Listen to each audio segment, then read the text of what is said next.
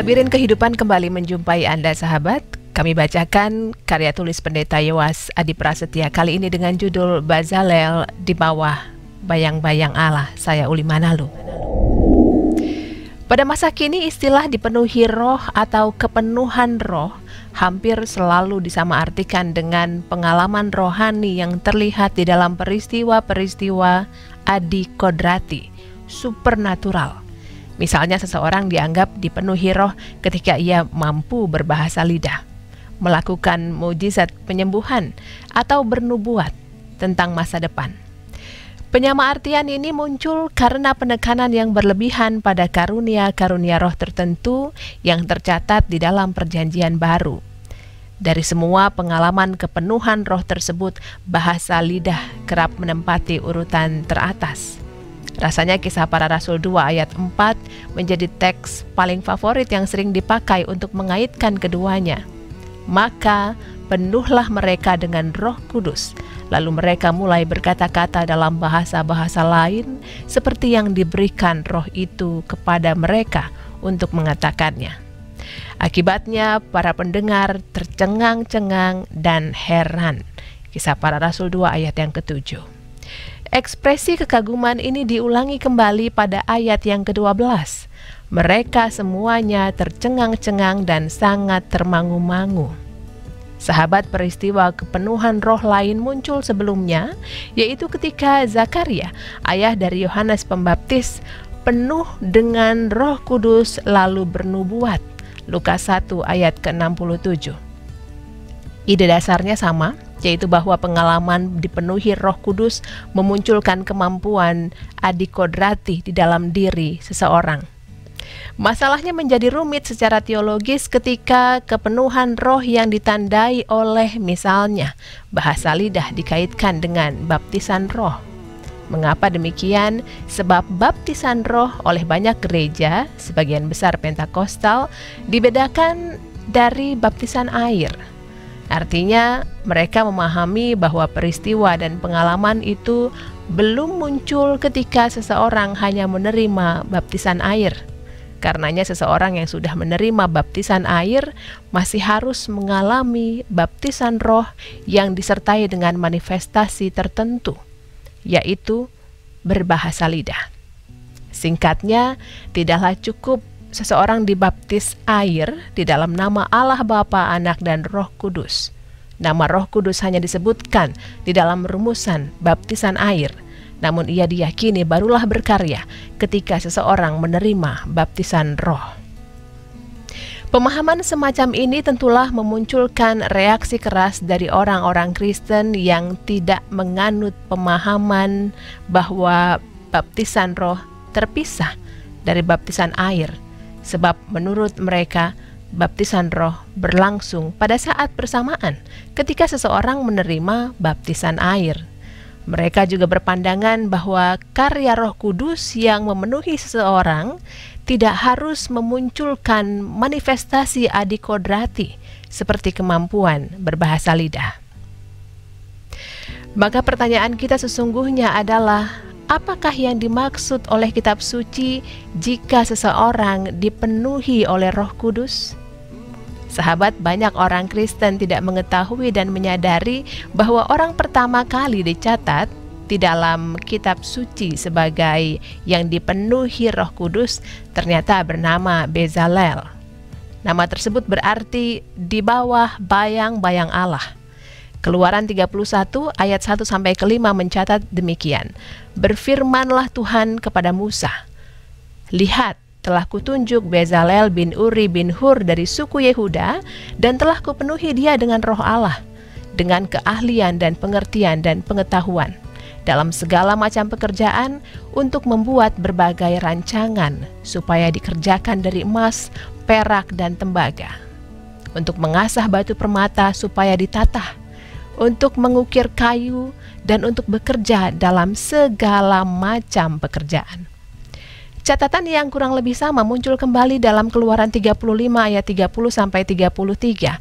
Berkatalah Musa kepada orang Israel, "Lihatlah, Tuhan telah menunjuk Bezalel bin Uri bin Hur dari suku Yehuda dan telah memenuhinya dengan roh Allah dengan keahlian, pengertian, dan pengetahuan dalam segala macam pekerjaan, yakni untuk membuat berbagai rancangan supaya dikerjakan dari emas, perak, dan tembaga, untuk mengasah batu permata supaya ditatah, untuk mengukir kayu, dan untuk bekerja dalam segala macam pekerjaan yang dirancang itu.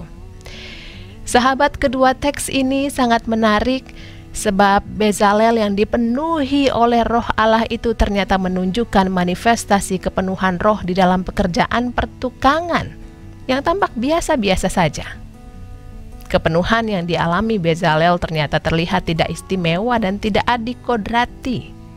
Padahal kita berbicara tentang roh kudus yang satu dan yang sama.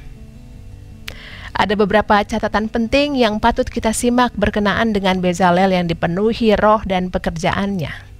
Yang pertama, seseorang yang dipenuhi oleh roh Allah ternyata mendapatkan karunia atau pemberian dari roh Allah. Karunia itu tidak ia peroleh karena kehebatannya sendiri. Yang kedua, Teks mencatat bahwa kepenuhan roh dibarengi dengan pemberian keahlian dan pengertian dan pengetahuan. Hal yang sama muncul kembali di dalam Keluaran 36 ayat 1 sampai 2. Demikianlah harus bekerja Bezalel dan Aholiab dan setiap orang yang ahli yang telah dikaruniai Tuhan keahlian dan pengertian sehingga ia tahu melakukan segala macam pekerjaan untuk mendirikan tempat kudus tepat menurut yang diperintahkan Tuhan. Lalu Musa memanggil Bezalel dan Aholiab dan setiap orang yang ahli yang dalam hatinya telah ditanam Tuhan keahlian. Setiap orang yang tergerak hatinya untuk datang melakukan pekerjaan itu. Sahabat keahlian yang dapat dikerjakan oleh Bezalel dan Aholiab adalah pemberian Allah Bukankah prinsip pemberian ilahi ini sangat mirip dengan apa yang terjadi di dalam peristiwa bahasa lidah? Bahasa lidah bukanlah kemampuan seseorang sejak ia lahir, namun pemberian roh Allah. Kedua, seiring dengan dimilikinya keahlian sebagai pemberian ilahi, seseorang yang dipenuhi oleh Roh Kudus juga tergerak hatinya untuk datang melakukan pekerjaan itu. Keluaran 36 ayat yang kedua.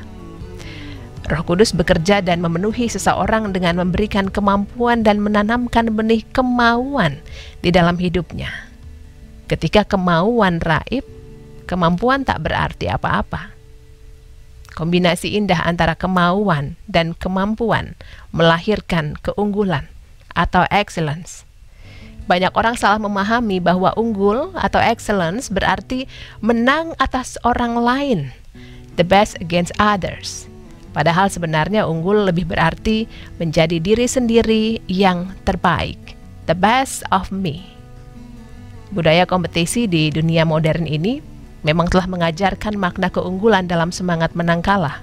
Padahal kitab suci mengajarkan sebuah gagasan bahwa seseorang yang unggul mungkin saja secara objektif tak lebih berhasil daripada orang lain namun pastilah ia secara subjektif telah menjadi yang terbaik bagi dirinya sendiri. Mari kita bayangkan jika semua orang tua mendidik anaknya dengan etos keunggulan semacam ini, tak perlu lagi ada anak-anak yang tertekan jiwanya karena merasa dikalahkan oleh teman-teman sekelasnya. Anak-anak yang belajar memahami konsep keunggulan semacam ini, the best of me, akan berani berjuang sekuat tenaga untuk mengembangkan dan mengolah diri sekalipun ia tak pernah meraih peringkat pertama di kelas dan mengalahkan teman-teman lainnya. Kisah Bezalel tampaknya harus menjadi bacaan wajib bagi mereka yang merasa pekerjaan kasar yang dilakukannya setiap hari tampak tak berguna banyak orang tak lagi menemukan makna spiritual dalam kewajiban sehari-hari yang tampak biasa-biasa saja. Ternyata, ketika Roh Allah berkarya, Ia memberikan pemberian yang manusiawi kepada kita dan menerbitkan kemauan di dalam batin kita untuk melakukan pekerjaan yang terbaik, sekalipun pekerjaan itu tampak tak istimewa. Namun, ketika Allah berkarya melalui dan berkenan pada pekerjaan kita, sahabat, apa yang tak biasa saja itu sungguh menjadi istimewa. Kisah Bezalel ini juga patut disimak oleh mereka yang masih percaya bahwa kepenuhan roh mesti termanifestasi ke dalam kemampuan adik kodrati, seperti berbahasa lidah dan bernubuat.